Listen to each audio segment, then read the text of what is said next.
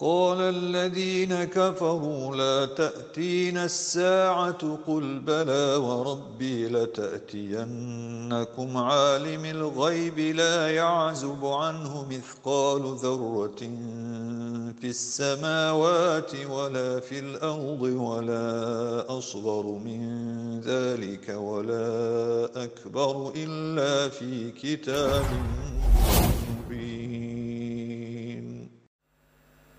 بسم الله والحمد لله والصلاة والسلام على رسول الله وعلى آله وصحبه ومن تمسك بسنته بإحسان إلى يوم الدين أما بعد. السلام عليكم ورحمة الله وبركاته. My dear beloved brothers and sisters, I ask Allah Azza wa Jal to bless you all with knowledge, with high iman, and with health. We ask Allah Azza wa Jal to grant us His mercy and forgiveness when we need it most. May Allah Azza wa Jal allow this video and the videos that will come in, inshallah Jalla wa ala to be of great benefit to those who listen and, to, and also to the one who speaks. My name is Zinaid Abu Naser. Welcome to my home, to my little study area, to a corner of my library here. Uh, this is not a set, um, rather, this is, as I said, this is uh, my home, subhanAllah. And of course, you're here because you want to learn about Aqidatul Wasitiyah. Aqidah al Wasitiyah. Aqidah al Wasitiyah, subhanAllah, is a great work on Tawheed, is a great work on Aqaid, of course, written by Shaykh al Islam Ibn Taymiyyah. Now, Ibn Taymiyyah was a great scholar, a scholar who stood up amongst other scholars. And this is saying quite a lot. Because at the time of Ibn Taymiyyah, there were scholars who are mountains, regarded as mountains, uh, at the time and today. And amongst all of these scholars at the time stood up this one man who we know today as Ibn al Taymiyyah. Now, before we start speaking on Aqidatul uh, Wasitiyah, and before we get into the subject matter at hand, and Al-Aqidatul Wasitiyah in and of itself is not a majorly uh, large work, but it is a work on Aqidah which many people have written uh, explanations of. Now, what that means is that there's many books out there, and especially uh, when we say when we deal with the English language, there is so many books out there named the same way. So you'll find many many books, and it'll say Aqidatul Wasitiyah by Shaykh al-Islam Ibn Taymiyyah. However, many of these books vary. Now these books vary for a variety of reasons. Sometimes these books vary because uh, the author uh, who's actually translating or borrowing from somebody else, as it happens so in academia, the author might be uh, getting uh, the information uh, correct, subhanAllah. And other times the author might get some of the information the wrong way. And so that it reaches that end user but the actual work, or rather the original idea behind the work, does not get to us the right way. So, subhanAllah, neither the end nor the means are, subhanAllah, good. Now, there's also books out there with the title Al Wasitiyah by Shaykh Islam Ibn Taymiyyah, and these books are written by enemies of Allah the enemies of Muslims, the enemies of Al Islam. And many times, because of the stature, because of the greatness of uh, Shaykh al Islam ibn Taymiyyah, uh, Orientalists translated a lot of his works. Matter of fact, if you go deeply into the archives, into the English language versions of the books of Shaykh al-Islam ibn Taymiyyah, you'll find that the Orientalists were amongst the earliest of the people who translated his works into the English language because he stood out so much to them.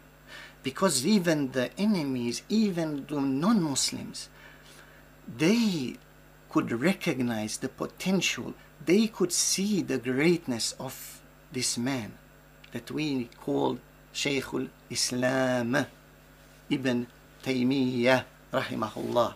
Now, as to what follows, subhanAllah, any introduction, any work that we study, anything that comes our way as people of Ahl Sunnah, as people of Hadith, subhanAllah, as those who proudly claim to be upon the path of the Salaf Salih, and this is what we claim, subhanAllah. If you're listening to this, if you're watching this, then bi'idhnillahi jalla ala, this is your train of thought. This is how you th- uh, think, and this is what you believe, based upon evidences from the Quran wa Sunnah. Now, anything that we study must go back to Allah and His Messenger.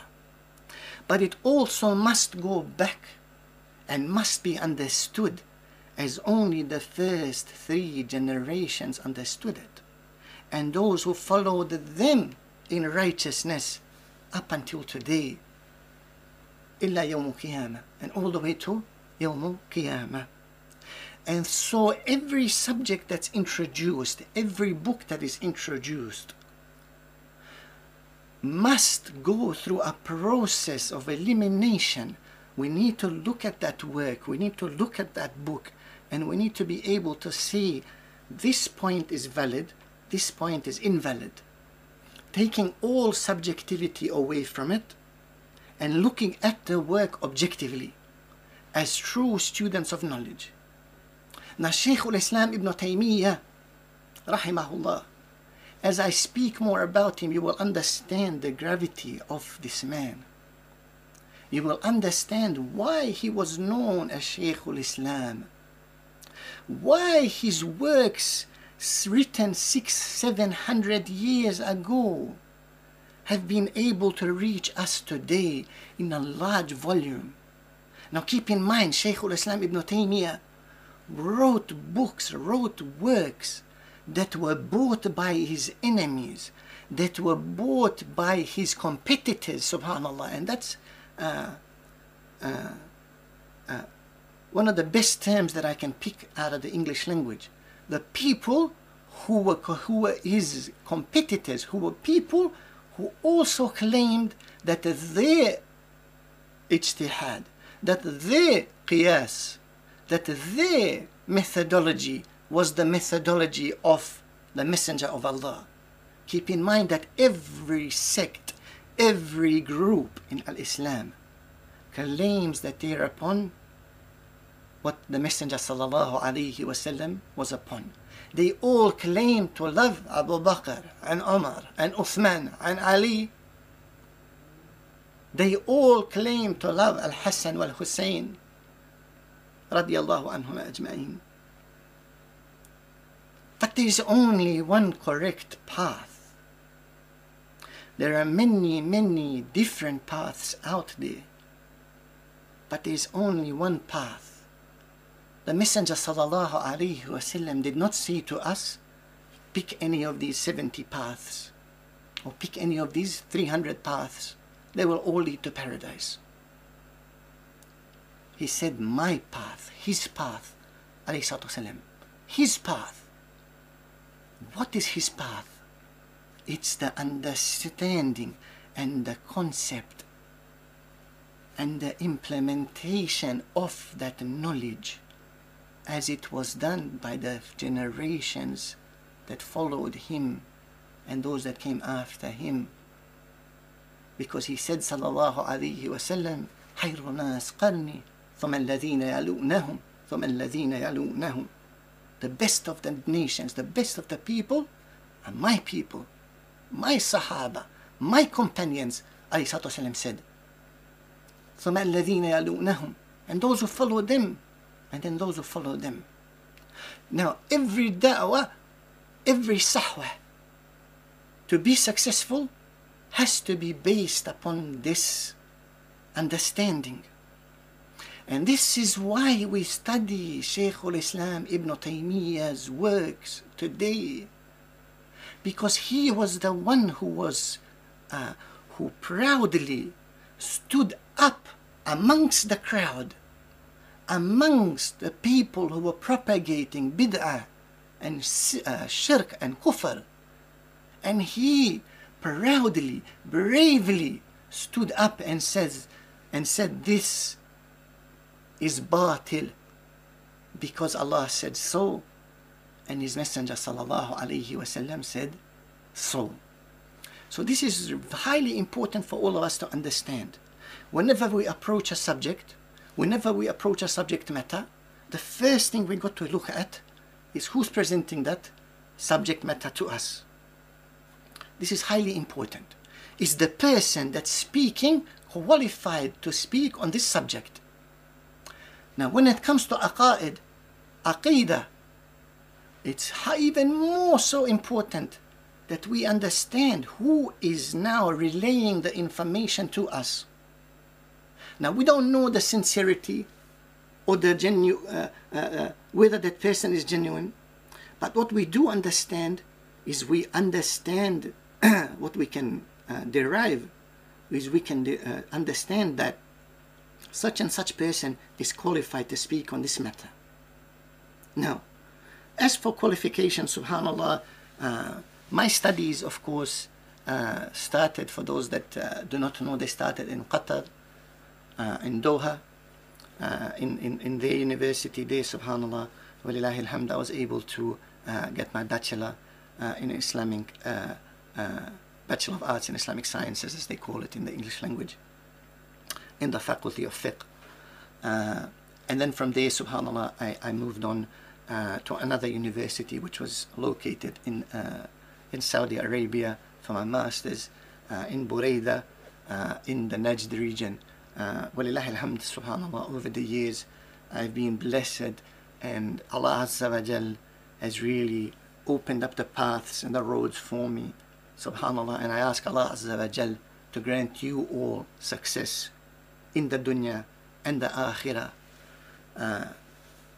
Uh, and Allah Azza wa opened up uh, certain individuals uh, and certain people that I was able to approach directly and take knowledge from. Uh, especially when it comes to the Najdi da'wah, to the da'wah of Muhammad ibn Abdul Wahhab. Alhamd. From there, subhanAllah, uh, uh, and it was connected to my master's uh, uh, thesis and dissertation.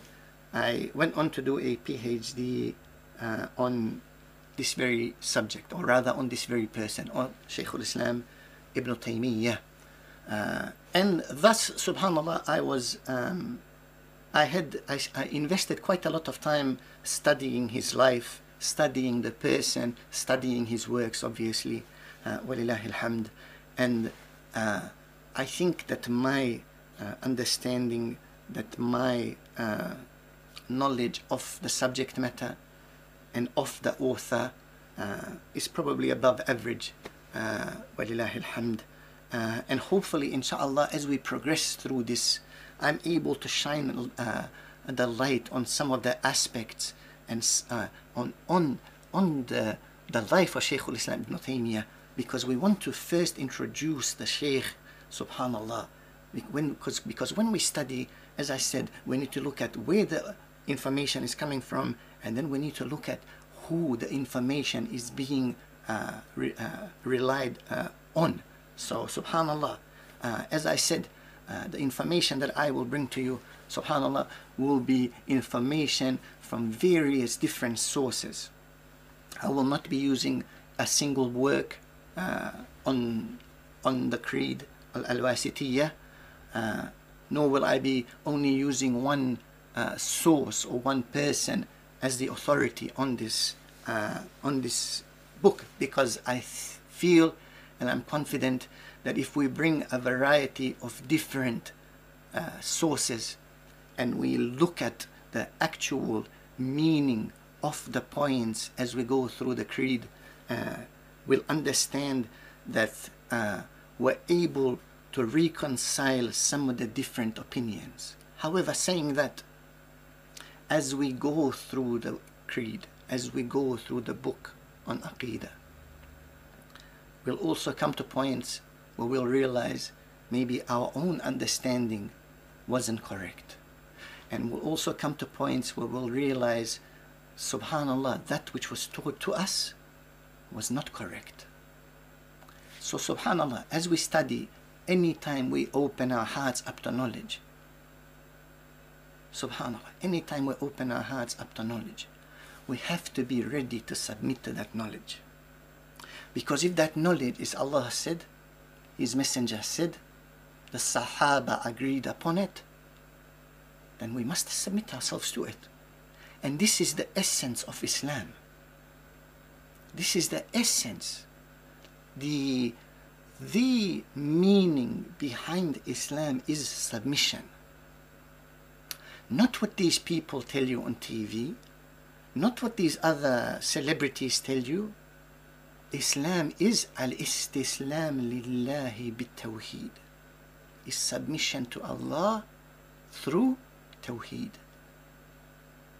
This is Islam in its essence.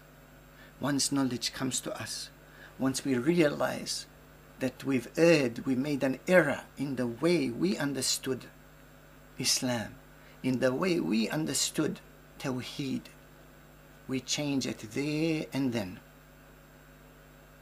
And if we're able to do this, and if we're able not to have kibr, and to accept the truth as the truth, and we ask Allah Azza wa Jal to allow us to recognize the truth so that we may accept it.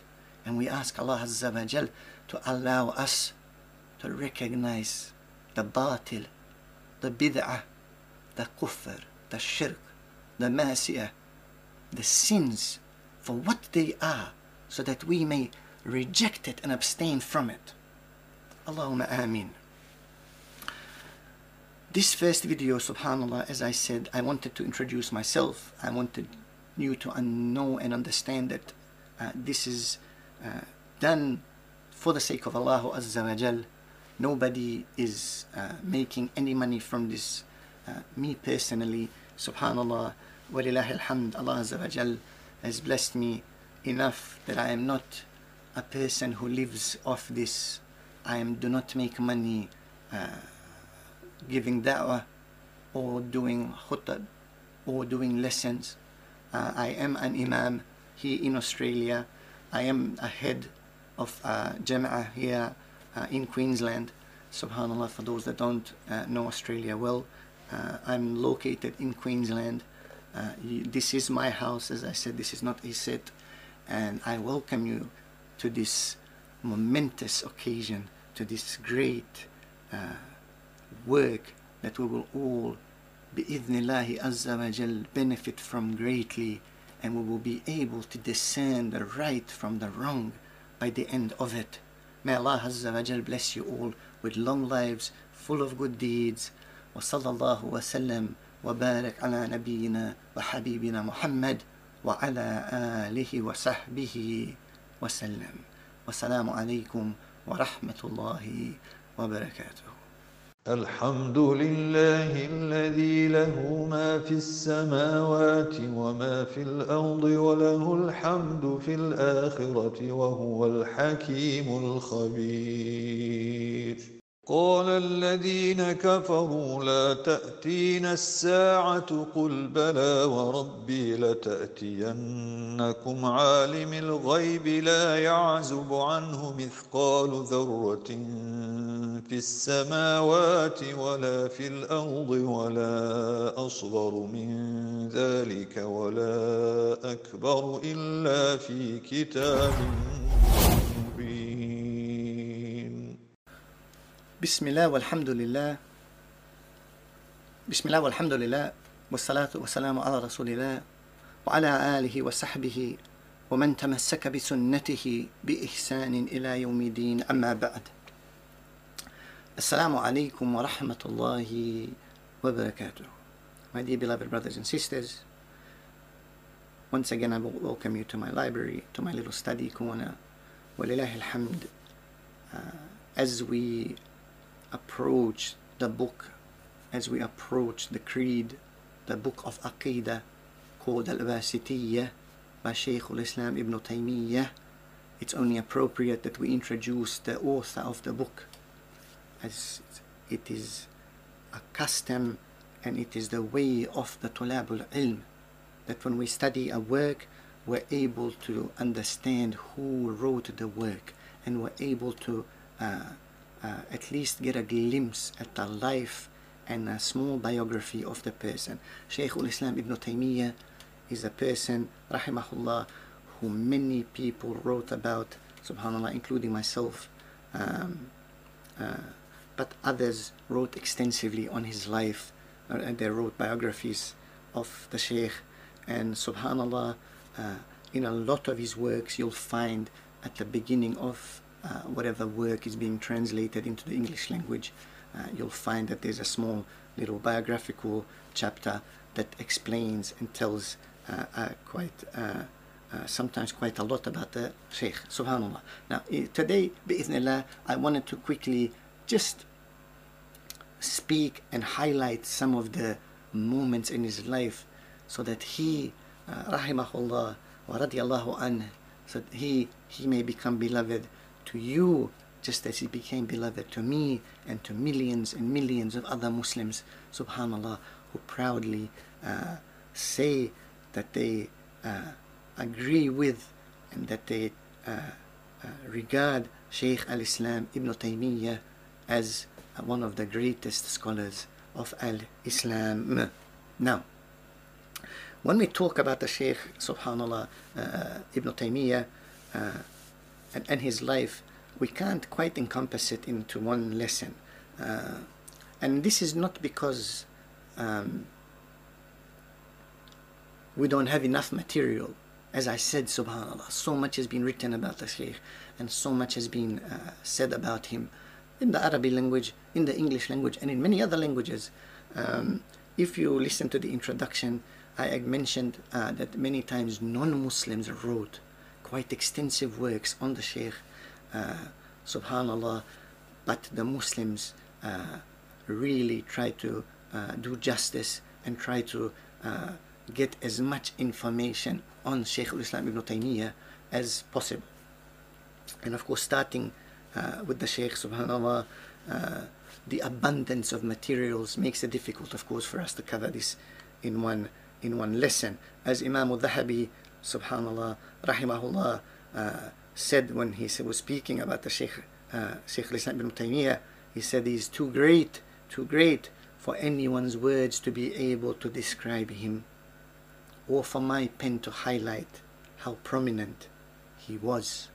And at the time when he was saying this, he was still alive, rahimahullah. Shaykh al-Islam ibn Taymiyyah was still alive. And of course, Imam al-Dhahabi, the giant, the scholar of hadith, the muhaddith, the one who did uh, critique of the chains of narration, subhanallah, whose books we study today, subhanallah, he gave the most glowing, the most uh, beautiful description of Shaykh al-Islam ibn Taymiyyah. He said his life, his prominence, his the disciplines he was so great in, the trials and the tribulations that the Shaykh went through, and his journeys from one place to another would fill so many volumes of, uh, subhanAllah, of work.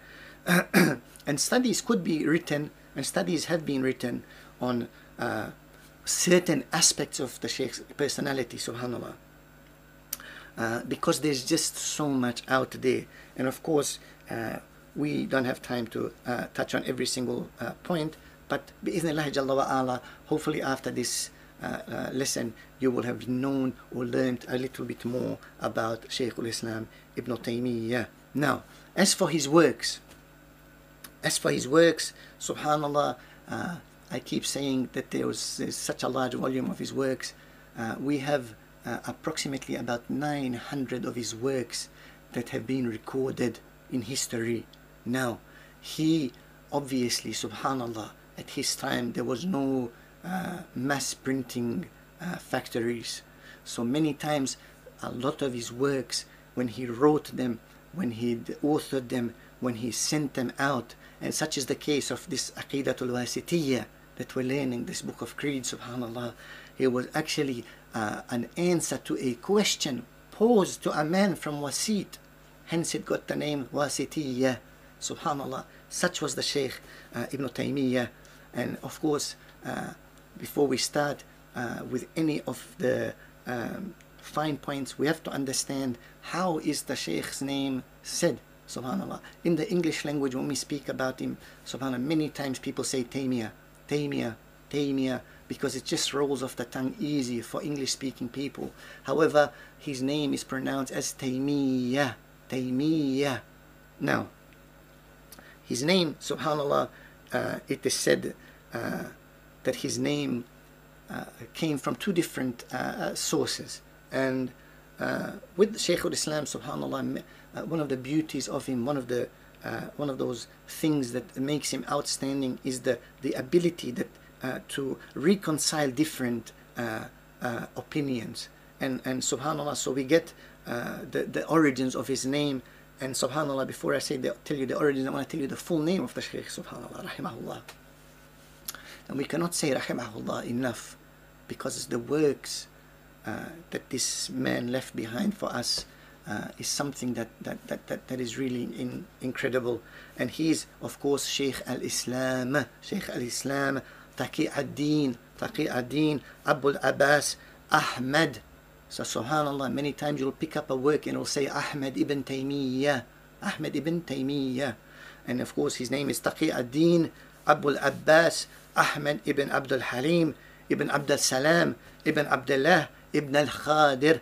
ابن محمد ابن الخادر ابن علي ابن عبد الله ابن تيمية النميري الحراني الدمشقي الله أكبر That is the full name of Shaykh of Islam or Shaykh, the Shaykh of Islam Ibn Taymiyyah. Now, Shaykh got the kunya or the nickname of Ibn Taymiyyah for two reasons as we find in uh, the biographical works. One of the reasons, subhanAllah, that we're told and that's been, um, that's been recorded in history is his grandfather, his grandfather Muhammad ibn al-Khadir. Muhammad ibn al-Khadir, who was the grandfather of Ibn Taymiyyah, went out to Hajj. And as he went out to Hajj, subhanAllah, he went via the way of Tayma, Tayma, which was one of the ways, one of the roadways, one of the paths that the people of Bilad al-Sham took when they went to Hajj.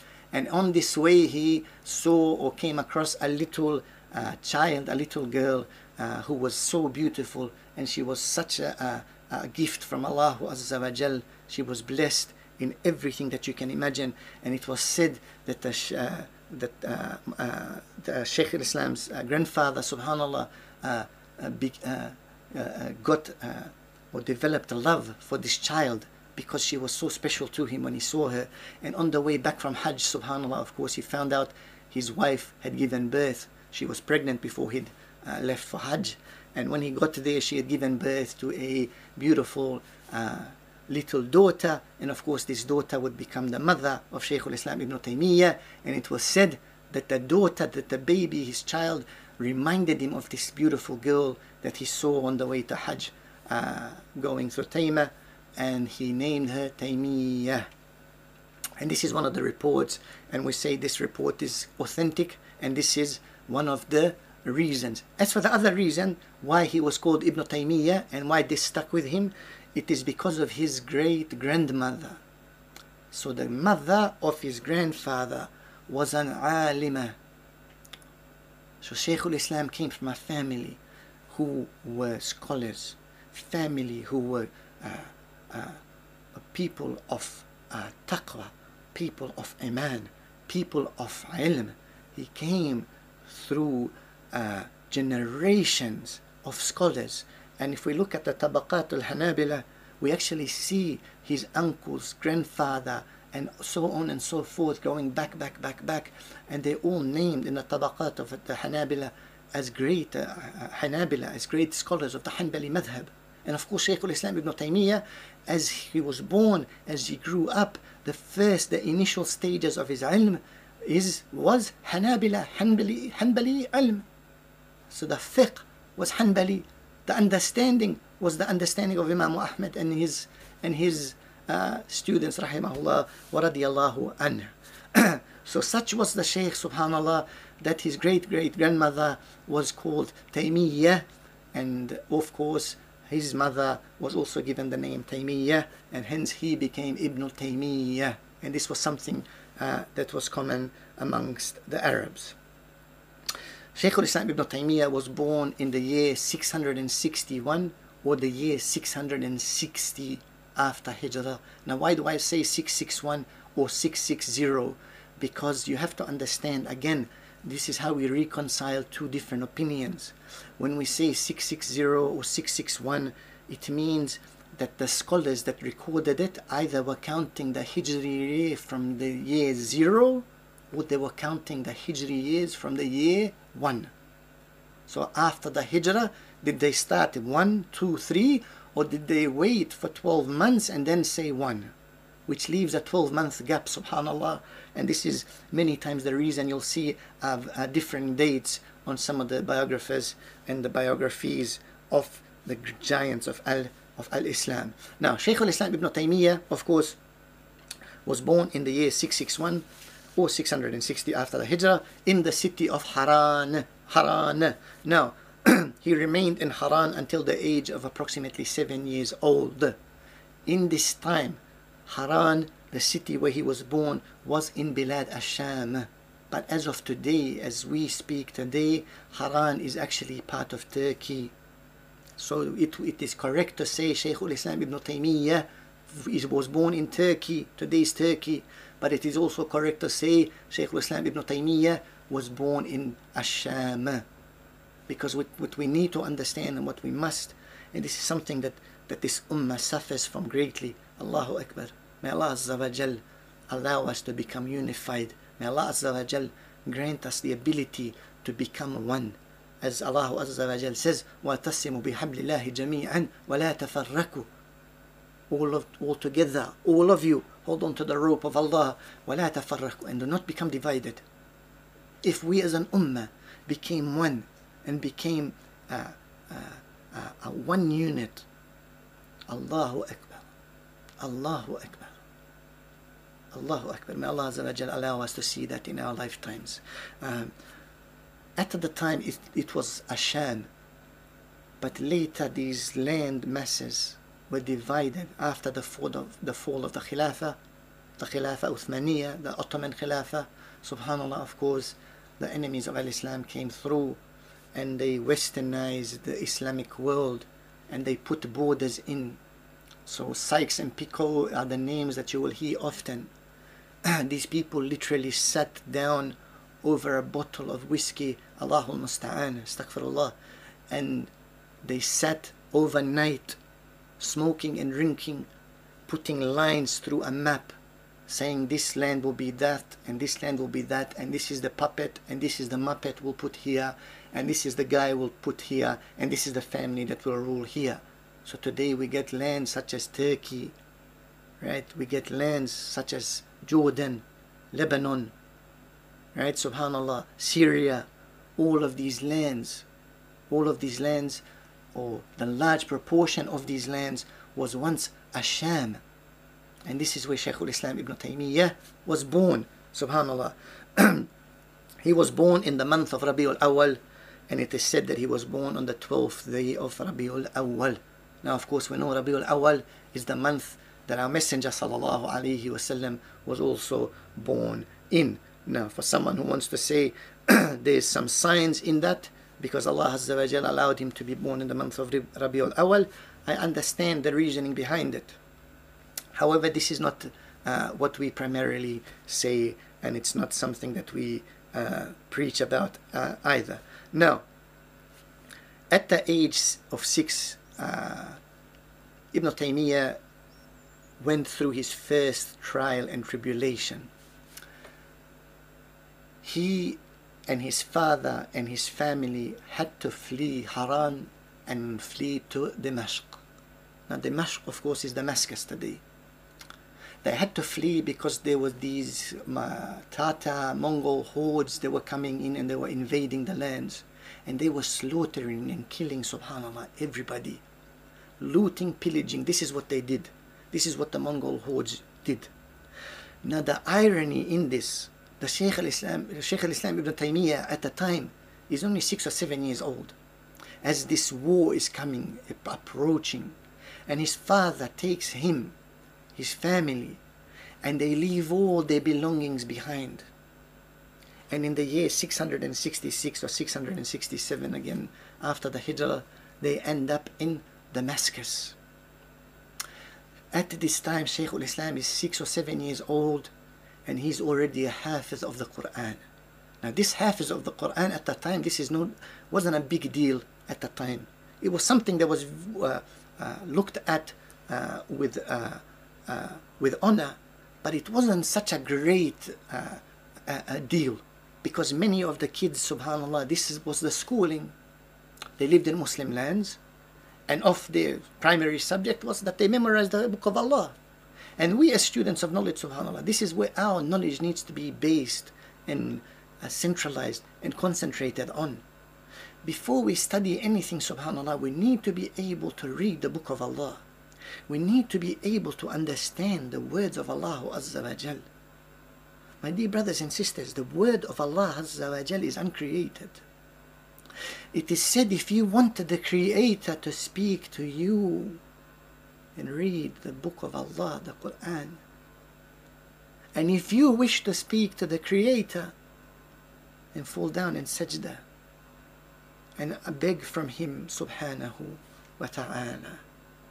So subhanallah, as they were fleeing Haran, uh, it is said that uh, uh, they had to leave all their belongings behind and subhanallah they took little carts, wheeled carts. They had no mounts, it was said. They had no camels, no horses.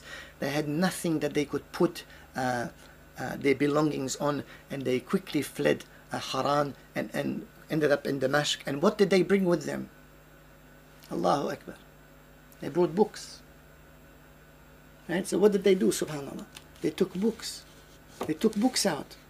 They loaded books onto these carts and brought the knowledge with them because they understood the wealth when spread disappears. As for the ilm, the knowledge, when spread, it grows, it comes, becomes bigger. So you can see how scholarly this family is. Just in this one incident, subhanAllah, at the age of six or seven, what is their priority? Save their lives escape but also bring knowledge with them. And of course, from the qadar of Allah subhanahu wa ta'ala is that they ended up in Damascus. Allahu Akbar.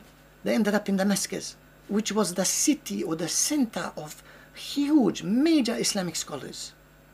And so Shaykh al-Islam subhanallah was planted in a fertile garden.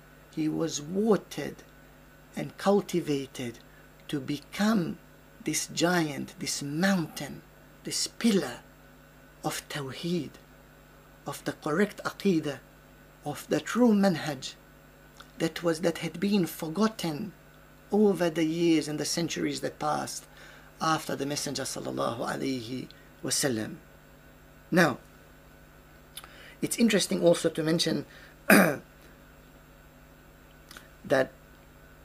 Shaykh al-Islam subhanallah went through many trials in his life. Of those trials, of course, as I mentioned, was this first incident. Uh, this one, this is one of the major incidents that happened. It was this invasion of uh, the Mongols, the Tatars, and uh, uh throughout his life, and you will find this with yourselves, bi'ithnillah, you will find it uh, and there's nothing more true uh, uh, when it comes to students of knowledge than, than the saying of the messenger that the those that those who betrayal the most in the dunya are those that are closest to the messengers in their zuhd, in their belief, in their taqwa. And amongst those people, of course, are the scholars. and you will find that when you read the biographies of some of these giants, like Shaykh al-Islam ibn Taymiyyah, like you, when you read the biography of Imam Ahmad ibn Hanbal, rahimahullah wa radiyallahu an, when you read the biography of Imam Malik, you see that these giants, these, these, these mountains, were tortured, imprisoned, because of what they believed and because of what they stood up for. And such was Shaykh al-Islam ibn Taymiyyah because he was one who was not afraid to stand up for the truth. He is the one who was able to stand up to the, one of the greatest oppressors at the time and speak the word of truth into his face without fear for his life or for his belongings. It started at the age of six and seven as he fled with his father to Damascus, only for his life to finish in that very same city in Damascus, inside a prison cell. And the Shaykh was imprisoned many times over his lifetime, rahimahullah.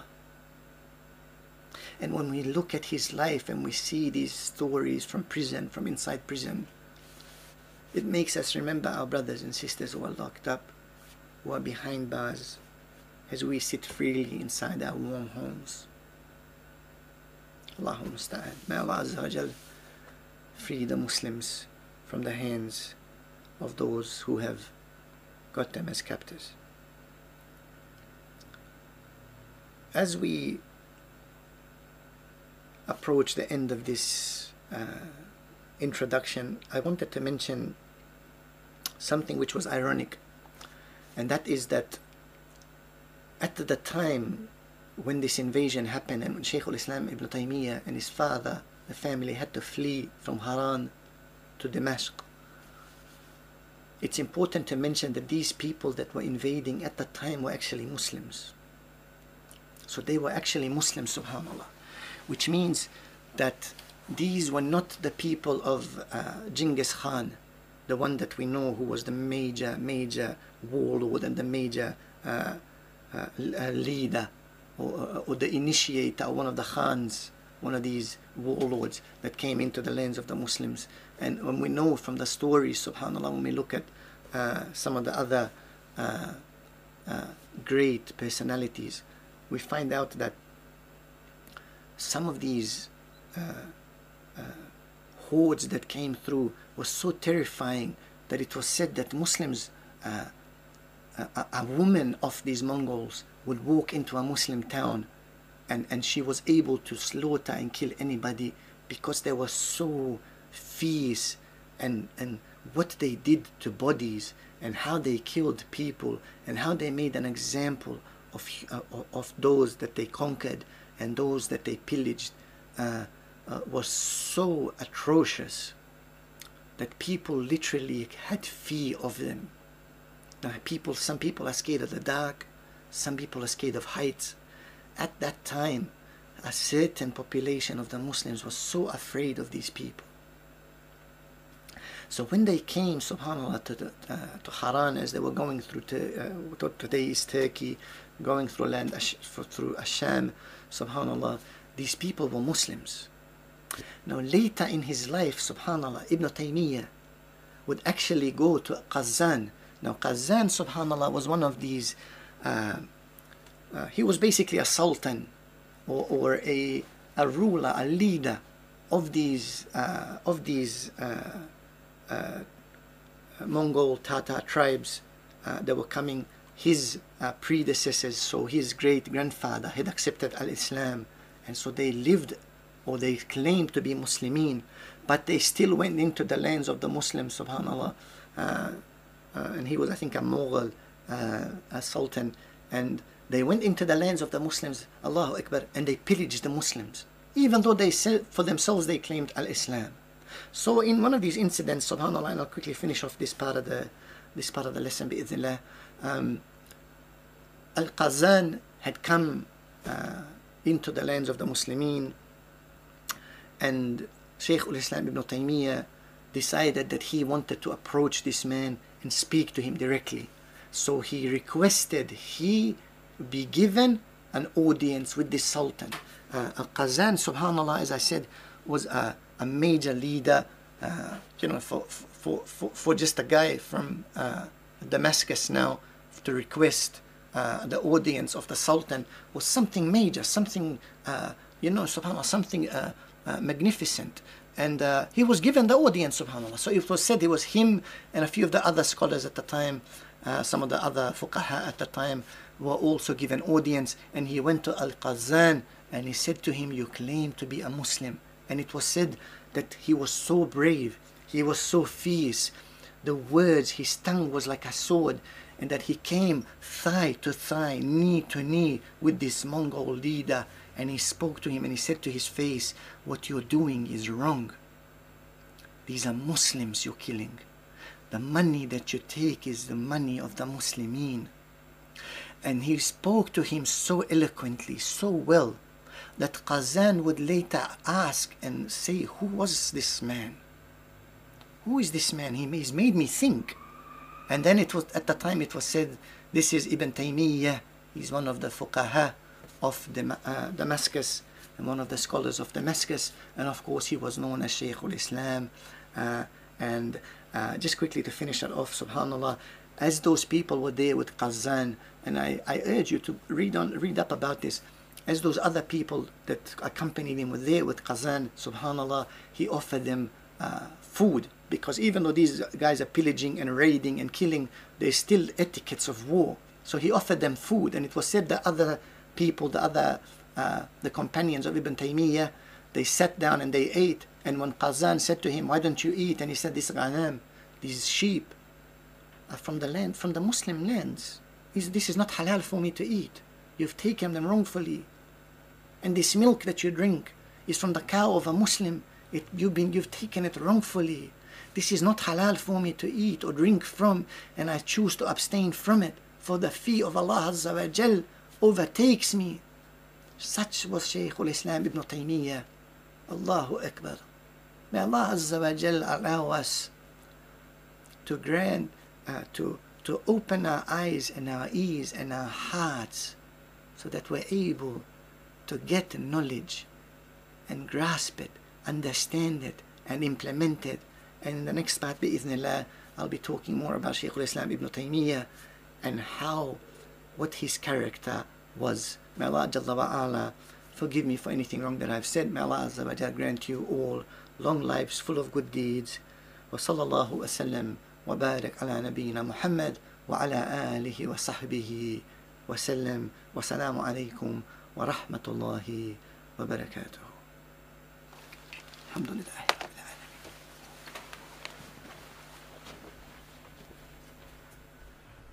الحمد لله الذي له ما في السماوات وما في الأرض وله الحمد في الآخرة وهو الحكيم الخبير.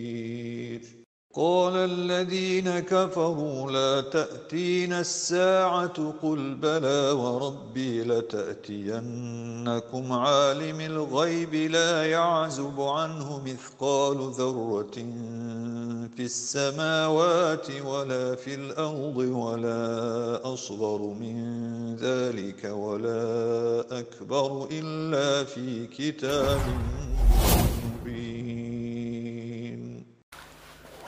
بسم الله والحمد لله والصلاة والسلام على رسول الله وعلى آله وصحبه ومن تمسك بسنته بإحسان إلى يوم الدين أما بعد السلام عليكم ورحمة الله وبركاته My dear beloved brothers and sisters, I'm Zanaid Abu Nasser. Once again, welcome to my uh, humble library, my humble uh, house. Uh, this, of course, is my uh, a private area, subhanallah, and this was not uh, intended to be a place of uh, where we record from. Nonetheless, the times we're going through necessitate that uh, certain uh, things are done a certain way, and subhanallah.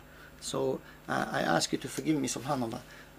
As I said, this is not a studio, so if you hear any sounds or any noises in the background, um, there is brothers uh, around, and there's obviously my family is around also, uh, as we as we go through this uh, very important book on Aqidah, of course, and that is Aqidatul Wasitiyyah by Shaykh al-Islam Ibn Taymiyyah. Continuing on the Shaykh's uh, uh, biography and a little bit more on his life, uh, you will notice that many times it is said Shaykh al-Islam, Shaykh al-Islam. Now Shaykh al-Islam, subhanallah, is a title that was given to Ibn Taymiyyah, rahimahullah, uh, by his peers. So, of course, it was given to him by his peers, uh, and it wasn't an official title at his time. Now, during the Khilafah of the, the Ottoman Khilafah, the Uthmaniyah, uh, while the, the, the Ottomans were in charge of the Muslim uh, world, for lack of a better term, um, there was such a title, and the title was Shaykh al Islam. However, this title only applied to one person. And it was only given to the person who was basically sitting on the right hand side of the sultan. So the sultan or the leader at the time would have a religious figure who would sit next to him and the title given to that figure would be Shaykhul Islam and they had to be competent uh, in a number of uh, Islamic sciences uh, to attain this uh, uh, to attain this position. Now, this was obviously what they uh, said or what they claimed. However, we find that many times, in many cases, the person was not or was incompetent and was not should not have never been in that position to be known as Shaykh al-Islam and be the authority uh, when it comes to al-Islam and and the rulings. Um, but at the time of Shaykh al-Islam ibn Taymiyyah, there was no such title, subhanallah. Shaykh al-Islam ibn Taymiyyah, of course, is known as the Shaykh al-Islam because he was so um, knowledgeable and his, uh, he was so proficient in almost, oh, and, and subhanAllah saying in almost, he's almost saying he wasn't pro, uh, uh, good enough in all of the sciences, but he really was. This man was a giant. He was, his knowledge was spectacular. The, uh, the books he wrote, I mentioned in the first part of this that over 900 over 900 of his works were recorded in history now 900 works did not reach us 900 works did not reach us approximately about 150 works reached us now you can imagine uh, he spent quite uh, uh, quite a large proportion of his life uh, as a free man but he spent a large chunk of it inside prison cells.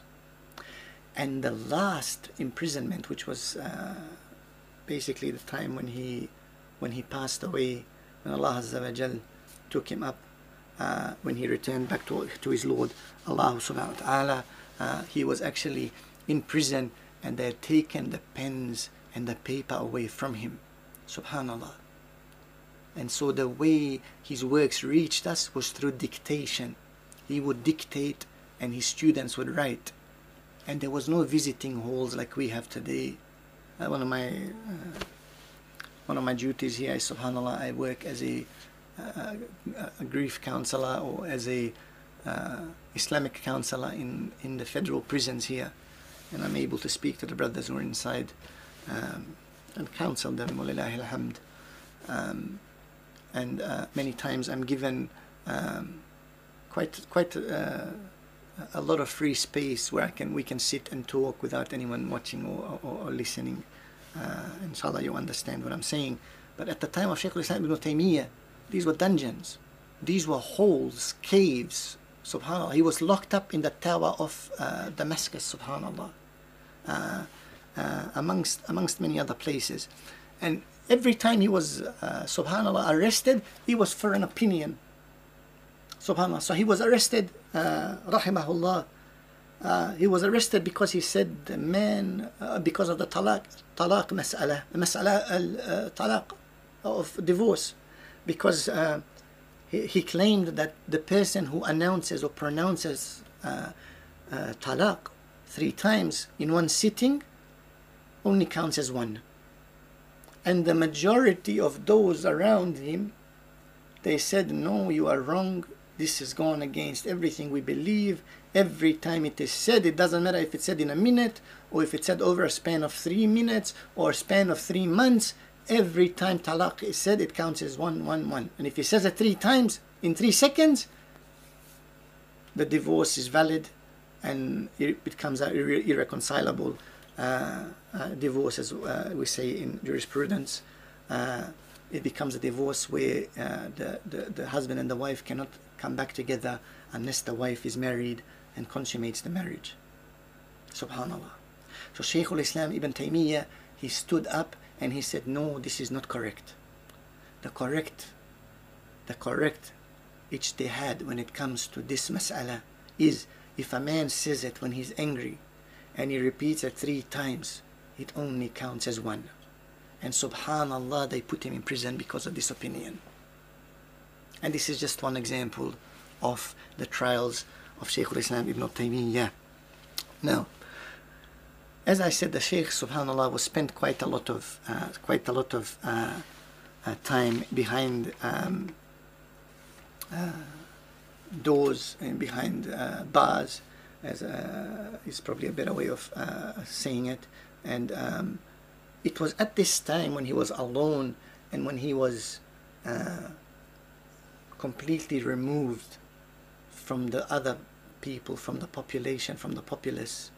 And as he was going through these trials, he understood the story of Yusuf alayhi salam. He understood that in this was a mercy, a rahmah from Allah Azza wa Jal. And he was always, though he was, uh, uh, though they thought they were humiliating him, and they thought uh, that they were somehow uh, belittling him by doing so, he was always upbeat. He was always smiling.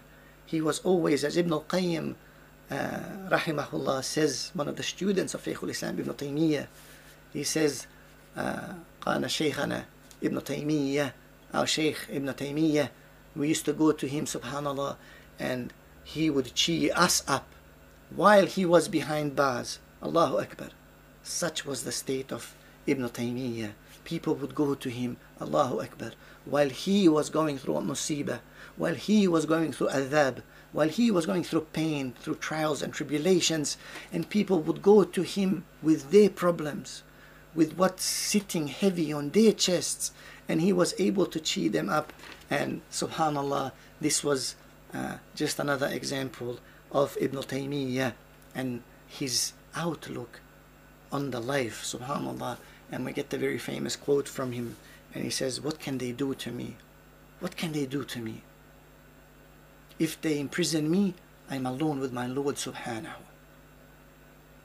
If they send me away from this land of ours, then I'm, this is hijrah for me. And if they kill me, then I'm one of the shuhada bi'idhnillah. What can they do to me? Whatever they do benefits me. This is, of course, one of the very famous sayings of Shaykh al-Islam Ibn Taymiyyah. Now, um, subhanallah, I mentioned Ibn al-Qayyim. Uh, I mentioned earlier on uh, Imam al-Dhahabi in one of the early recordings. Uh, Shaykh al-Islam Ibn Taymiyyah, at his time, had major scholars around him. Of course, I have notes. Uh, I wrote some notes. Uh, oh, these notes are actually quite uh, a few years old, but um, uh, notes are something that's encouraged. Subhanallah. One of the things that I encourage people is to have uh, notes. So, Subhanallah, you'll notice on my desk here, on my desk here, Subhanallah, there'll always be uh, a notebook and pen. There's always a notebook and pen. A student of knowledge, and if you go throughout my library and you look around, there's notepads everywhere, filled. Whether it's just one saying, whether it's an ayat, whether, whether it's a hadith, whether it's a transcription of a lecture that I attended that I was at, uh, there's notepads everywhere. This is something Shaykh al-Islam Ibn Taymiyyah was known for. He was able to memorize so quickly. He was able to retain the information that was given to him, that he'd read, that he'd listened to. Good habits, my brothers and sisters, are really hard to learn. But once you acquire them, they will help you throughout your journey in this dunya. And of the greatest habits of a student of knowledge is that they take notes. And the longer you take notes, the better you'll become at that. Islam and ilm is repetition. You read, you recite, you memorize, you write it down, you read and recite it again. This is how knowledge is attained in Al Islam. So, as we go through this journey, bi'idhnillahi azza wa jal, you should have notes, a notepad filled with notes on um, Aqidatul Wasitiyyah and of course on Shaykhul Islam Ibn Taymiyyah because not only will I be covering Al-Aqidatul Wasitiyyah but I will be touching on other works of Aqa'id and other fiqhi opinions that are tied into this work. Subhanallah. So I just wanted to quickly mention that it's really important that we have uh, a note uh, with us uh, as we progress through this uh, journey. Pen and paper all the time for students of knowledge. May Allah bless you all. Um, as for the famous scholars that were alive at the time of Ibn Taymiyyah, of course, we got uh, uh, Alam ad-Din uh, al-Barzali, subhanallah, who was a, a, major scholar at his time, at the time of Shaykh al-Islam ibn Taymiyyah, Taymiyyah uh, Imam al-Kabir, subhanallah, Imam al-Kabir, the great Imam al-Mizzi, al-Mizzi, subhanallah, was of course, of course uh, uh, a great muhaddith, and um, and he praises Shaykh al-Islam ibn Taymiyyah, he praises him, subhanallah, in some of his works. Taqi ud-Din al-Subki, al-Subki, subhanallah, a great scholar.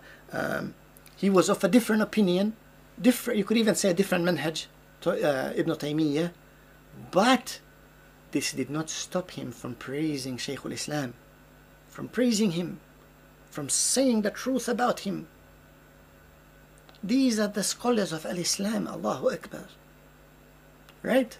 Subhanallah.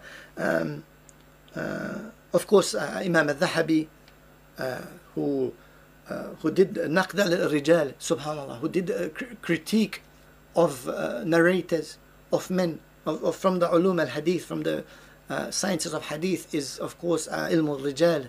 It's, it's the knowledge of, of, of the people, of the narrators, because we as an ummah, we're an ummah of isnad, an ummah in isnad, an ummah of chains of narrators, العلم ما كان حدثنا حدثنا so subhanallah knowledge is he narrated right uh, Abu Nasir narrated from such and such person from such and such person and then uh, Imam al-Dhahabi would look at these chains of narrators would look at these narrators and try to find faults in them so this man Imam al-Dhahabi rahimahullah was of the greatest scholars of hadith of al-Islam and he was a contemporary of Ibn Taymiyyah and he was also a student of Ibn Taymiyyah.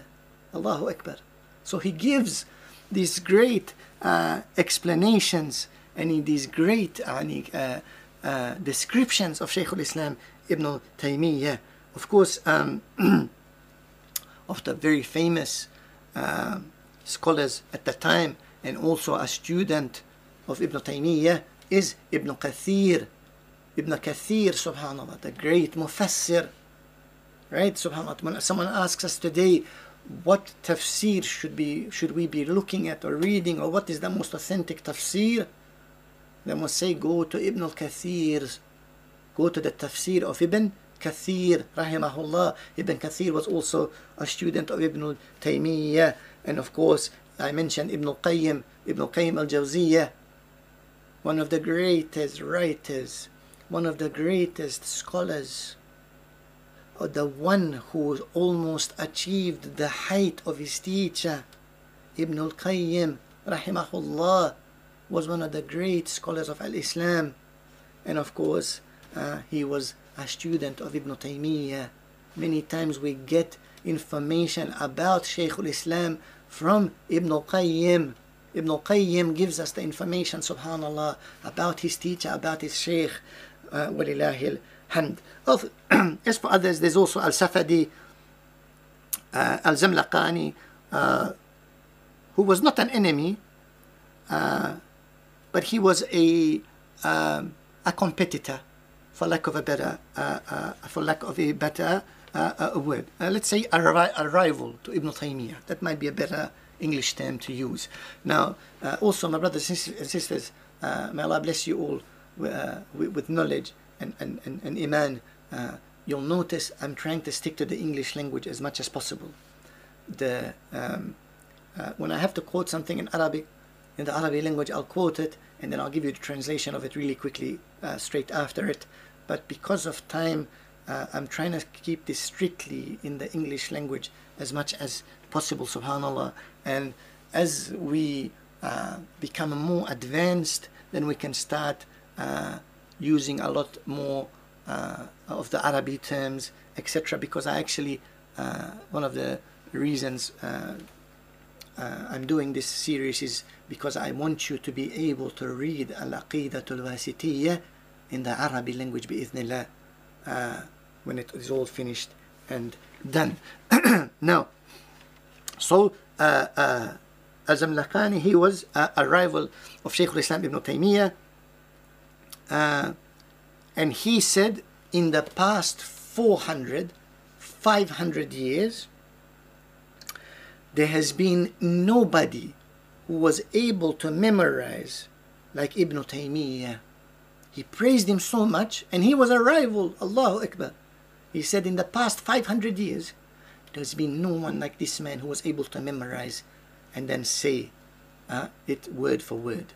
Allahu Akbar. Many times uh, the memory needs to uh, really stick out because this is one of the major characteristics of Shaykh al-Islam Ibn Taymiyyah. Uh, his memory was such that when they uh, took his books away and when they imprisoned him, he was able to replicate word for word, letter by letter, major works of Al Islam. Major works of Al Islam. And there's actually a story when he was a, uh, quite a small boy, Allahu Akbar, uh, Allahu Akbar. Uh, he went to a, his father took him and his brother to a garden, and uh, um, as he was going uh, to the garden there, uh, he had a little booklet with him and he took this little booklet subhanallah and he memorized it in that two hour trip on the way to the garden and back and his father asked him what is it what is it what was that that you were reading? And he started to recite the book. Now keep in mind his father was a Hanbali scholar and his grandfather Hanbali scholar. So the, uh, uh, and he was subhanallah he was he would rec- he recited back to him basically a book a little booklet which was the etiquette of debating or how to debate in al-islam. He'd memorize that word for word in just a two hour period. The whole book on the etiquette of debate Allahu Akbar. And this was Shaykh al-Islam Ibn Taymiyyah. Now some of the characteristics of him. We'll mention three or four because it's important. One of them subhanallah and this is something we need to arm ourselves with of course is dua. Dua my brothers and sisters is something which is always with you. The dua is the weapon of the believer the dua to Allah Azza wa Jal is the arrow the sword that strikes back when your arms, legs, and body is not able to. When you feel distressed, when you feel that the world is against you, when you feel you cannot go one step further, this is when you turn to your Lord Allahu Azza wa Jal and ask from Him. Seek forgiveness seek guidance, seek health. The dua, my brothers and sisters, is something that you need to arm yourself with. And this was one of the characteristics of Shaykh al-Islam ibn Taymiyyah. He never stopped invoking Allah Azza wa Jal. He would ask from his Lord mornings and evenings. Ibn al-Qayyim says our Shaykh, our Shaykh Ibn Taymiyyah would after Fajr spend the whole time until Dhuhr invoking Allah Azza wa Jal. He would spend the time from Fajr to Dhuhr in dua. This was Shaykh al-Islam Ibn Taymiyyah who narrates this Ibn Qayyim tells us. When he encountered a problem, the second characteristic, whenever he encountered a problem, he would ask for forgiveness from Allah. How many of us say Astaghfirullah? Allahumma gfirli. How many of us say, Oh Allah, forgive me when we encounter a problem, an obstacle? Not many. The Messenger والسلام, he said, I ask Allah for forgiveness 70 times every day. More than 70 times every day. How many days did you say Astaghfirullah, oh Allah, forgive me? Rabbi firli, Allahumma firli. How many times? How many days have you said this 70 times a day or more? Right? He would ask Allah wa Jal for forgiveness every time he encountered an obstacle. It was said that he would go to mas- masajid outside of the major cities that not many people attended and he would rub his face with dust and then cry to Allah when he encountered a problem and ask for forgiveness until Allah Azza wa Jal opened up a path for him. One of the du'as he used to say was, يا معلم آدم وإبراهيم علمني One of the du'as. O teacher of Adam and Ibrahim, teach me. so simple, so sweet. Success is attained through this sincere through this sincere seeking the pleasure of Allah only. As long as our intention and our goal is the pleasure of Ar-Rahman then we'll find success. Even if it's through pain even if it's through illness even if it's through death success will be attained if the pleasure of Allah is what we seek. And Shaykh al-Islam Ibn Taymiyyah lived and died and sacrificed for Allah Azza wa Jal only. And subhanallah, uh, the third characteristics I already mentioned, but it, it was his memory. Uh, as I mentioned in, uh, in an earlier recording, He'd memorized the Quran by the age of six or seven. He started to memorize Bukhari and Muslim right after that. Then he memorized the books of the madhahib. So Shaykh al-Islam ibn Taymiyyah, early on as he started his journey as a student of knowledge and later became Shaykh al-Islam, he became, he was a Hanbali. And then subhanallah, he started to look at the Shafi'ah opinion and the opinions of the Malikiyah and the opinions of the Hanabila. And he went on and on and on attaining knowledge. and later on, as he matured and wizened and he became uh, more confident in, in, the, in, in, in the accuracy of that, uh, of the knowledge that he, he had retained, he would take opinions not just from the former madhahib, but from the eight uh, madhahib at his uh, at his time. And of course, the Zahiriya, the Zaydiyya, the Ibadiyya, uh, some of them uh, at, at his time. Now, today, as, as, we, as we know the madhahib today, we recognize the four main madhahib the Hanabila, the, the Shafi'ah, the, Han, the, the, the Hanafis, and the Hanabila. Um, uh, uh, and we also recognize the Zahiri madhab, the madhab of Ibn Hazm, and of course, I uh, actually have translated a couple of works of Ibn Hazm. Ibn Hazm al-Andalusi is of course, rahimahullah, was also, is also of course, uh, was also a great influence on my life, just like Shaykh al-Islam Ibn Taymiyyah uh, was. So there is a Zahiri madhab uh, though it may not be recognized by everybody, but there is a madhab which is a Zahiri madhab, uh, uh, subhanallah, uh, which doesn't get enough recognition just because of the small amount of people that follow it to this, uh, to this day. So, uh, Shaykh al-Islam ibn Taymiyyah not only memorized the books of the Ahl Sunnah, but he memorized the works of others also. Because he wanted to see, he wanted to be able uh, to discern what these other people were saying. He wanted to be able to uh, use their uh, own information, their own facts as they stated, as uh, ammunition against them. So he wrote books about the Shia. Right, subhanallah. I didn't miss, I, I, one of the madhahib, I didn't mention, mention uh, uh, the Ithna Sharia, right, the Shia. But he wrote books about them. Why? Because he read their works and he said this is kufr and shirk. This is kufr and shirk. Now the ordinary uh, person may not be a kafir or a mushrik.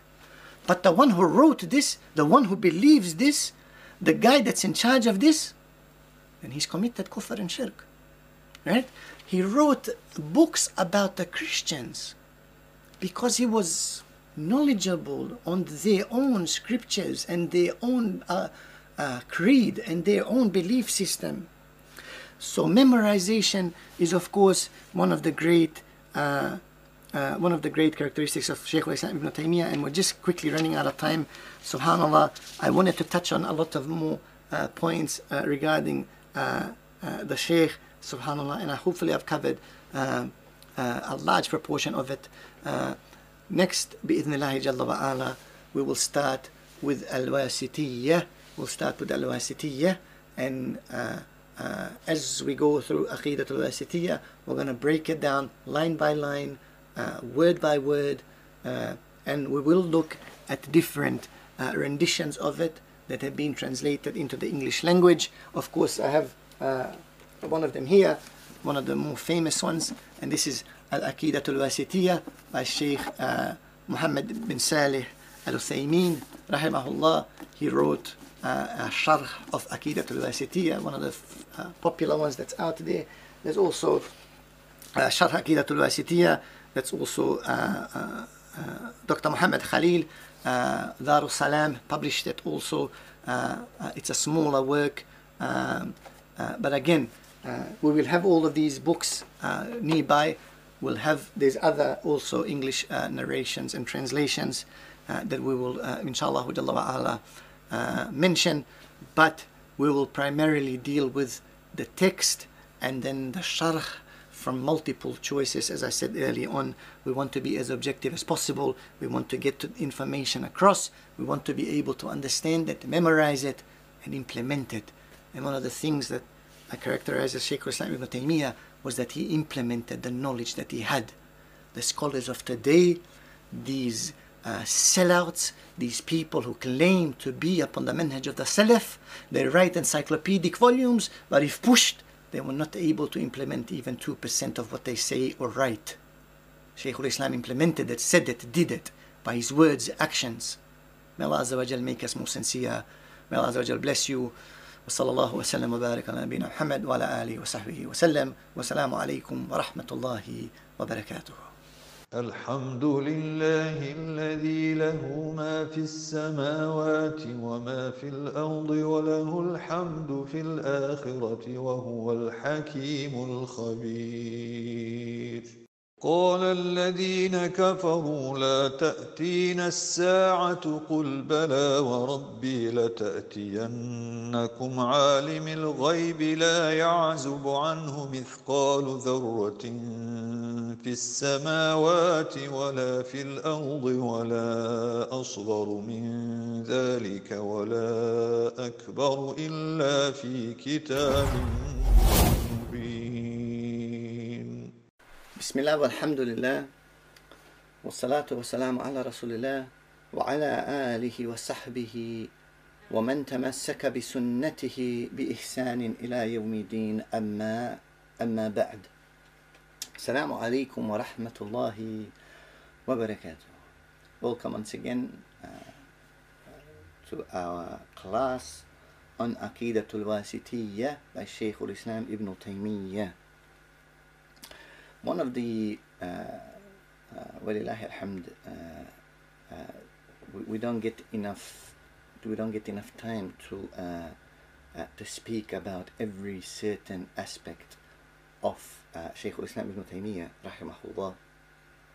But one of the important uh, points which I did not mention in the uh, introduction to Al Wasitiyyah, which I wanted to start today's lesson with, is reform. Uh, Subhanallah. So, what is reform? Um, reform uh, in the Islamic uh, perspective uh, is, is understood quite differently uh, than it is understood in, uh, in the rest of academia. When people speak of reform or non Muslims speak of reform, it means that aspects of the divine law uh, need to be replaced with the laws or aspects which have been updated to today's standard.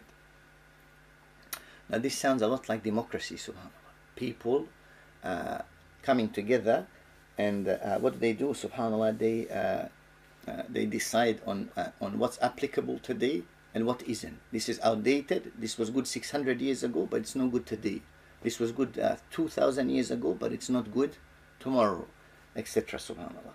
So, this is the, the, the Christian understanding of reform, and of course, the Christian, uh, uh, the Catholic Church went through great turmoil uh, when a man known as Martin Luther uh, tore away from them, and of course, started the Protestant, the Protestant version of Christianity. Uh, and they, they've been splintering, splintering, splintering ever since. May Allah Azza wa Jal save us from such, uh, from such a fate. But reform in our understanding, in the Shari uh, uh, analysis, in uh, the way we understand reform, uh, and I'm using the word reform because this is the closest term in the English language is actually quite different. Reform for us means purification. So Shaykh al-Islam Ibn Taymiyyah was a great reformer, rahimahullah. And the Messenger والسلام, said to us, told us that every hundred years, every century, there will be there will be someone whom Allah Azza wa Jal has chosen of the people who will reform uh, Islam, get rid of all of the un-Islamic practices, all of the innovations, all of the, the additions. They will get rid of them and they will they will represent the, the Quran and Sunnah as it was understood by the Sahaba, by the companions of the Messenger, and those who follow them in righteousness. And over the last 14 centuries of Al Islam, subhanallah, there have been many reformers. And of those reformers, uh, subhanallah, is, and we say, is Muhammad ibn Abdul Wahhab. Muhammad ibn Abdul Wahhab is from those reformers. Because he played quite an important and a significant role when it came to re establishing the Sunnah, when it came to affirming the names and attributes of Allah. And of course, we're studying a, a book on Aqaid, a book on, on, on Creed, and of the most important things for us to understand is the names of attributes of Allah, the Lordship of Allah, right? Subhanallah. Uh, how Allah Azza wa Jal is worshipped. Subhanallah. All of these are highly important matters, uh, and of course, uh, that uh, the rule only belongs to Allah, and it is not up to us to enforce or to create rules and laws while we leave Allah said Azza wa Jal and His Messenger said to the side. This is not for us to do. Our role, our job is to submit and obey. Hear it, obey.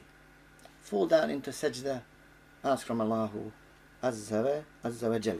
So, in this sense, when Shaykh al Islam ibn Taymiyyah came through, subhanallah, he was a great reformer, um, a really uh, uh, uh, the, and, and one of the more uh, important aspects of this reform uh, uh, was to bring a, uh, a revolution of a sort against un-Islamic practices. So these, the, these are the bid'at that came into Islam and of course to emphasize Tawheed and, and, and make sure that the people understand the implications of Tawheed. Tawheed is not small, no small matter.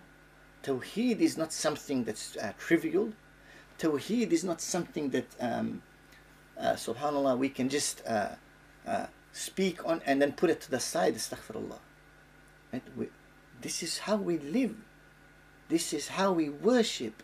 This is how we die. This is the importance of, uh, of Tawheed.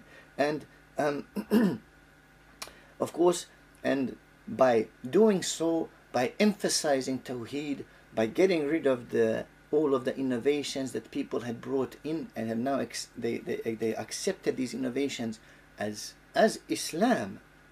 Because we know subhanallah that that once these uh, innovations enter the lives of the people uh, we understand that, that they now replace the sunnah. Right? The messenger said nothing new is brought into this deen except it replaces the original the sunnah so when those people are reading Yasin over the dead, they've now replaced the dua which has been told to us to do.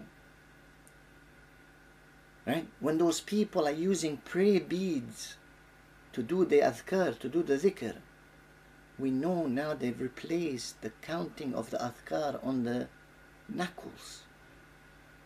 And these are just two examples of, of many, many, many innovations that are out there practiced so widely now that if someone is, goes up to a jam'ah, to a masjid, to a musalla, to a local imam and says to them, Habibi, what you're doing was not is not the sunnah of the Messenger والسلام.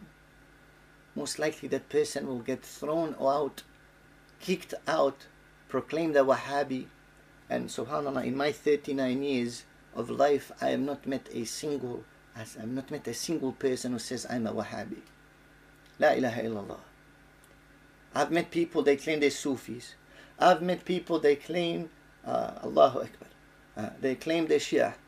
I've met people they say we are uh, Subhanallah uh, Hanafis, Hanbalis, Malikis, Shafis. I've met people they say we're Zahiri. Right? Subhan I've met people they say we're the Quraniyun, they Quraniyun. Allahu Allahu Akbar. Right? Kuffar, subhanallah. Quraniyun kuffar. The people who follow the Quran only. They reject the Sunnah. Again, this is another nullifier of Islam. So uh, I've met all sorts of people, and I've traveled to many different places, alhamdulillah, over them over my life. Um, and never once have, have I met a person who says I'm Wahhabi. I've met people who say they're Salafi. No one has ever said I'm a Wahhabi. So this is a term which is uh, uh, uh, thrown out at people, uh, and and it's it's almost like a uh, be afraid of the dark term. Uh, be afraid there's a subhanallah the kids a slender man hmm? right this is it's a derogatory term uh, uh, and, and and what it does is it, it tries to uh, uh, brush or color or paste people or, or, throw a blanket over a certain uh, a movement by, by calling them a, a, a, name. And Wahhabi is not a bad name. Subhanallah, Allah wa ala, one of the names of Allah Azza wa is of course Al-Wahhab subhanahu wa ta'ala. But of course they do not mean Wahhabi in the sense that they follow Allah. But they mean Wahhabi in the sense that they say, oh, they follow Muhammad ibn Abdul Wahhab. And we, uh, subhanallah, uh, do not follow anybody blindly. Nobody blindly. Even myself, subhanAllah. My opinions, uh, my opinions hold no water. My opinions hold no water, subhanAllah. The opinions, my opinion is Allah said, His Messenger said, alayhi The Sahaba said, right? My opinions uh, are not uh, opinions that should be taken uh, as as hujjah, as ruling, as as proof for or against something. Right? Subhanallah. So this is uh, this is a really important uh, point I wanted to uh, to touch on. So Shaykh al-Islam Ibn Taymiyyah he wanted to re- return those fundamental priorities of al-Islam and the original uh, the originality it came with. He didn't want to dispute about secondary, tertiary, non-fundamental problems he wanted to deal with that which causes great disruption and problems to the ummah. And of those problems, of course, is uh, we said Tawheed. Uh, so Shaykh al-Islam, um, one of the uh, targets uh, of Shaykh al-Islam um, was uh, philosophy. Philosophy, subhanAllah. Uh, he knew that unless that crippling unless that evil Greek philosophy was removed from the people, they would not be able to grasp the divine truth that Allah sent His messenger with. This is really important to understand. What people don't understand is that once philosophy creeps into their train of thought, this is where you get those deviant ideas of kufr and shirk like like wahdatul wujud. What's wahdatul wujud? Wahdatul wujud of course is uh, astaghfirullah Allahu musta'an. It means oneness with Allah. And this is something the Sufiya this is something the Sufiya practice. This is something they believe in it's part of their belief system somehow they think they can reach a certain level uh, of spirituality uh, and once they do um, they believe that uh, everything uh, around them, including them, astaghfirullah, becomes part of Allah. This is kufr. This is klikat kufr akbar. So, uh, uh, this is that philosophical thought. This is what it leads to. It leads to one exiting the fold of fold of al-Islam. So, subhanallah of his targets was greek philosophy and he knew that uh, uh, uh, that it was really important for him to tackle the philosophical angle that many of these muslim scholars those those muslim scholars at the time had been using because people were writing books people were writing risalas uh, using islamic terminology but using the the greek philosophical methodology islamic terminology greek philosophical methodology. Uh, and so Shaykh al-Islam Ibn Taymiyyah, rahimahullah, he deposed it uh, and defied it extremely. Another very important aspect, and I just mentioned uh, Suf, uh, the Sufism and the Sufiya, and the deniers of Sifat, uh, he abhorred the Sufi pantheism. Right? Subhanallah. Uh, now, now, what's pantheism? I just explained. Wahdatul wujud, right? Uh, people believing God is everywhere. Everything is God. This is not the way we understand Allah Azza wa Jal. When we say Allah Jalla wa Ala is above His throne, Subhanahu, right? We're not placing Allah in a spot. We're not uh, likening Him to anything, Jalla wa Ala, right? He says this, Subhanahu. Allah Jalla wa'ala says, Ar-Rahmanu ala arsh istawa, uh, Jalla wa'ala. Ar-Rahman, the most merciful, is risen above his throne, subhanahu wa ta'ala. This is what Allah Jalla wa'ala tells us. Why do we have to now start philosophizing and explaining, uh, uh, trying to come up with a, uh, some sort of a, a, a method of um, or a definition of where Allah is and how Allah is and what's the, what is the the ma'ana, as they say, subhanAllah, a lot of these uh, crazy uh, Sufi sects, subhanAllah, they, uh, they say a lot of this. Uh, so Shaykh al-Islam ibn Taymiyyah, he abhorred and hated this whole idea of pantheism. He hated the whole idea of Gnosticism. Or who are Gnostics?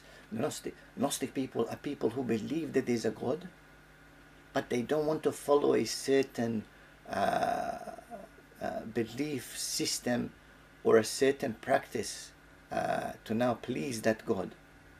So they believe there is a God, but they don't want to follow certain uh, uh, rituals and beliefs to now please that God. So people believe in God, but they don't want to practice any religion. And also, he wrote books and dealt with people uh, who had a, a deterministic view, uh, and these were uh, the people um, who said uh, either human beings have complete control over their lives. So when it comes to uh, uh, actions of the human beings, uh, they say we have complete control of our lives. Allah Azza wa has given us complete free will. Or there's people who said, no, everything we do, Allah Azza wa Jalla makes us do it. Now what this does, uh, subhanAllah, is this leads to a great, great uh, uh, uh, dilemma. This leads to a great dilemma.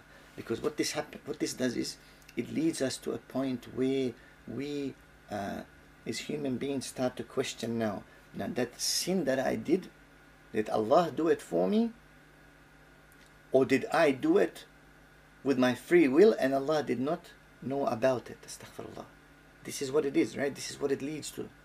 So Shaykh al-Islam, subhanAllah, he, he also uh, dealt with them, uh, the Qadaris, subhanAllah, and he, uh, he basically dismantled and destroyed all of these ideas. And this is why he's so hated, so hated by many of these sects, by so many of these groups.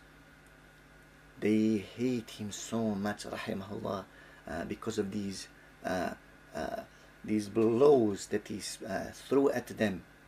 And because these blows have been preserved until today and it is the way of Allah Azza wa Jal that when he uh, loves a person uh, that person subhanallah somehow uh, or the works of that person stick around. Right? Subhanallah. We could have very well lost all of the works of Shaykh al-Islam ibn Taymiyyah we could have lost all of the works of Ibn Qayyim we could have lost all of the works of uh, Ibn Kathir.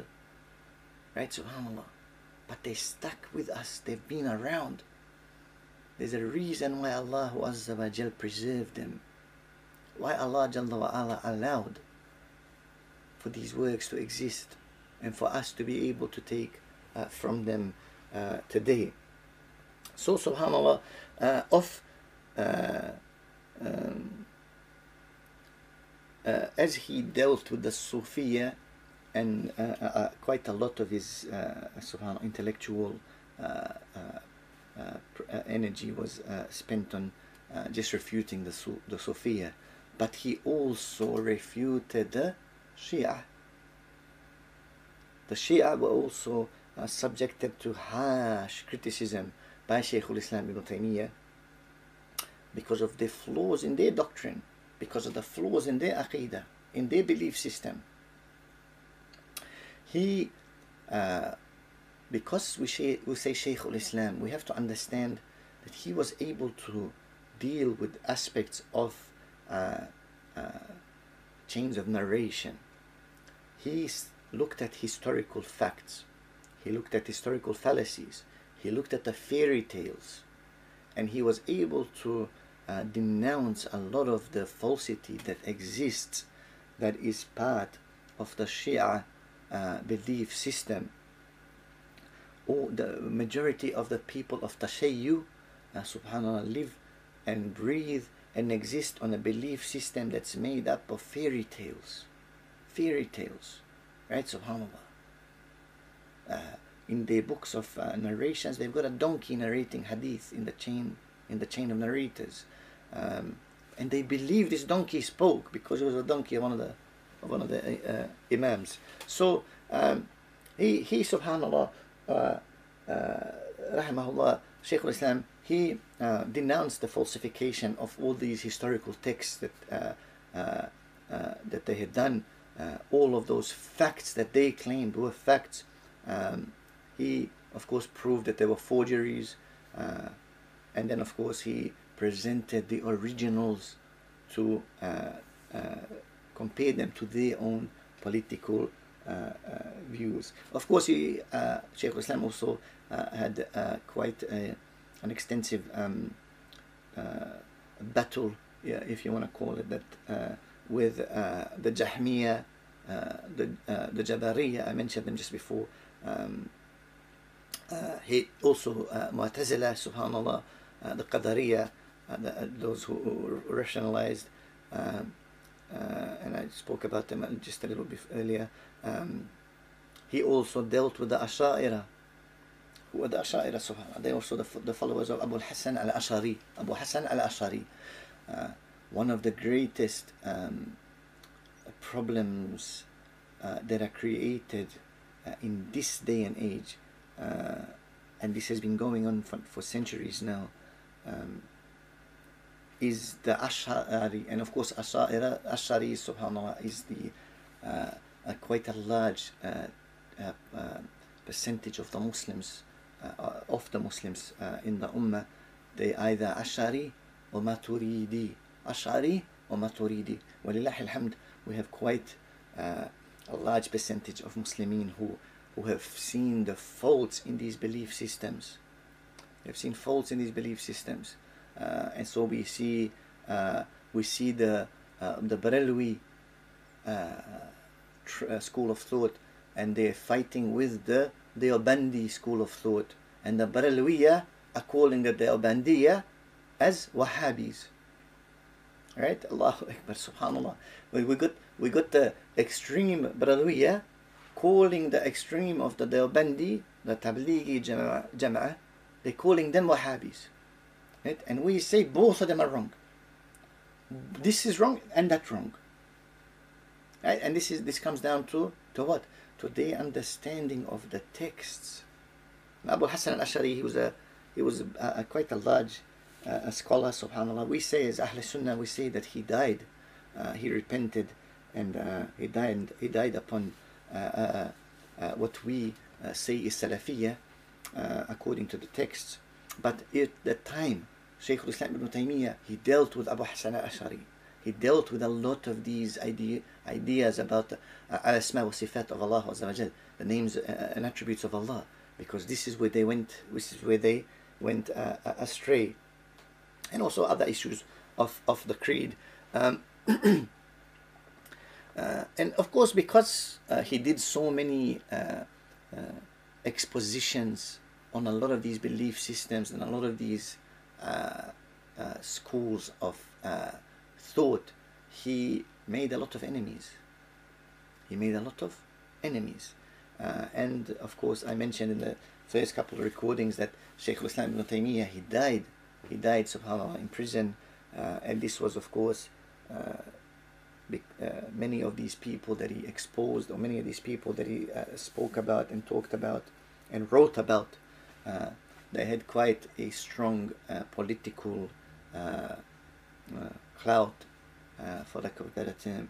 Uh, they knew the rulers, or they were attached to the rulers, and they uh, they thus, um, as a result of that, they exiled him.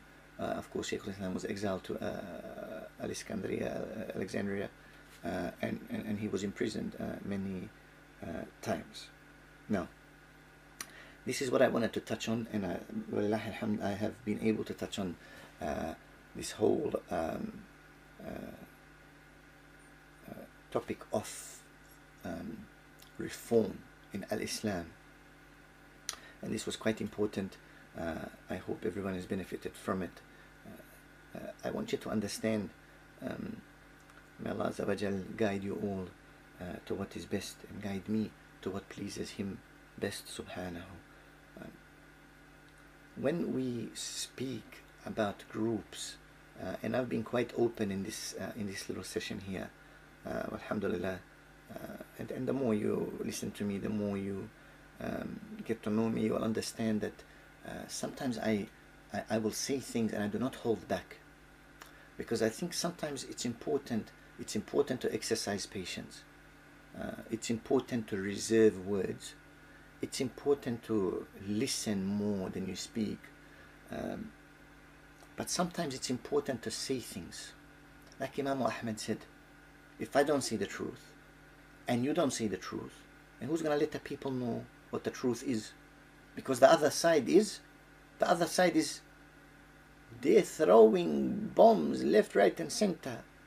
They're poisoning people like uh, uh, subhanallah like uh, they're lacing their drinks with with with bid'ah and kufr and shirk. And no one is speaking up about it. So what are the salafis doing? They're fighting against each other. So subhanallah walillah alhamd um, I, I try to uh, deal with um, with the actual issues at, at hand. Um, the Messenger والسلام, there's many hadith that speak about uh, uh, innovations, uh, that speak about holding tight onto the to his way, the way of the Salaf, uh, and um, they go on and on, and you have heard them many times. For anyone that's gone to a Jummah prayer, they would have heard وَقُلُّ بِدَعَةٍ دَلَالَةٍ Right? They could they would have heard and every bid'ah, every innovation leads people astray. وَكُلُّ دَلَالَةٍ فِي النَّارِ And every dalala leads into the fire. Right? People have heard this. The Messenger said, مَنْ أَحْدَثَ فِي أَمْرِنَا هَذَا مَا لَيْسَ مِنْهُ فَهُوَ رَدْ Whoever brings into this deen of ours something that's not from it, فَهُوَ رَدْ He'll have it rejected. Right? It's really important that when we practice Islam, when we do uh, an action that we think is an act of ibadah. And for us, everything is ibadah, right? Allah Akbar, everything. Allah made the life so simple, so easy for us. Everything is an ibadah. Whatever we do, Bismillah, walhamdulillah, wa la ilaha illallah. Constantly, right? Ibadah, ibadah, ajr, ajr, hasanat, hasanat, all the time. Um, it's really important for us to be different than the people of Hawa, people of Bid'ah. Now, how do we know and how, how are we different? You will know when someone asks you, why do you do such and such action? And if your reason is Abu Naser said, the Sheikh said, the Imam said, my grandpa said who went to Hajj, my uncle who prays three times a week said it, and this is wrong. Your reason should be because Allah said, His Messenger said, the Sahaba agreed upon it. This is the reasoning. We have the proofs with us, walillahi alhamd. The people of Bidah, they don't have the proofs with them. Because when you ask them, why do you do such and such action? What do they do? They start rummaging through the books they start rummaging through the qawl of the ulama, looking for the reason. Why? Taqaleed. Blind following. Blind following. This is what separates us and them. We act upon the proofs. They act upon the whims and the desires that have been passed down onto them. May Allah preserve you all and grant you all knowledge that will benefit you, your family, and the wider community. I ask Allah Jalla wa ala to grant all of us success in the dunya and in the akhirah. If you're in an area that's been affected by this by this plague, subhanallah, I ask Allah Azza wa Jal to keep you safe. May Allah Jalla wa ala grant victory to the Muslims. وصلى الله وسلم وبارك على نبينا محمد وعلى آله وصحبه أجمعين والسلام عليكم ورحمة الله وبركاته الحمد لله الذي له ما في السماوات وما في الأرض وله الحمد في الآخرة وهو الحكيم الخبير.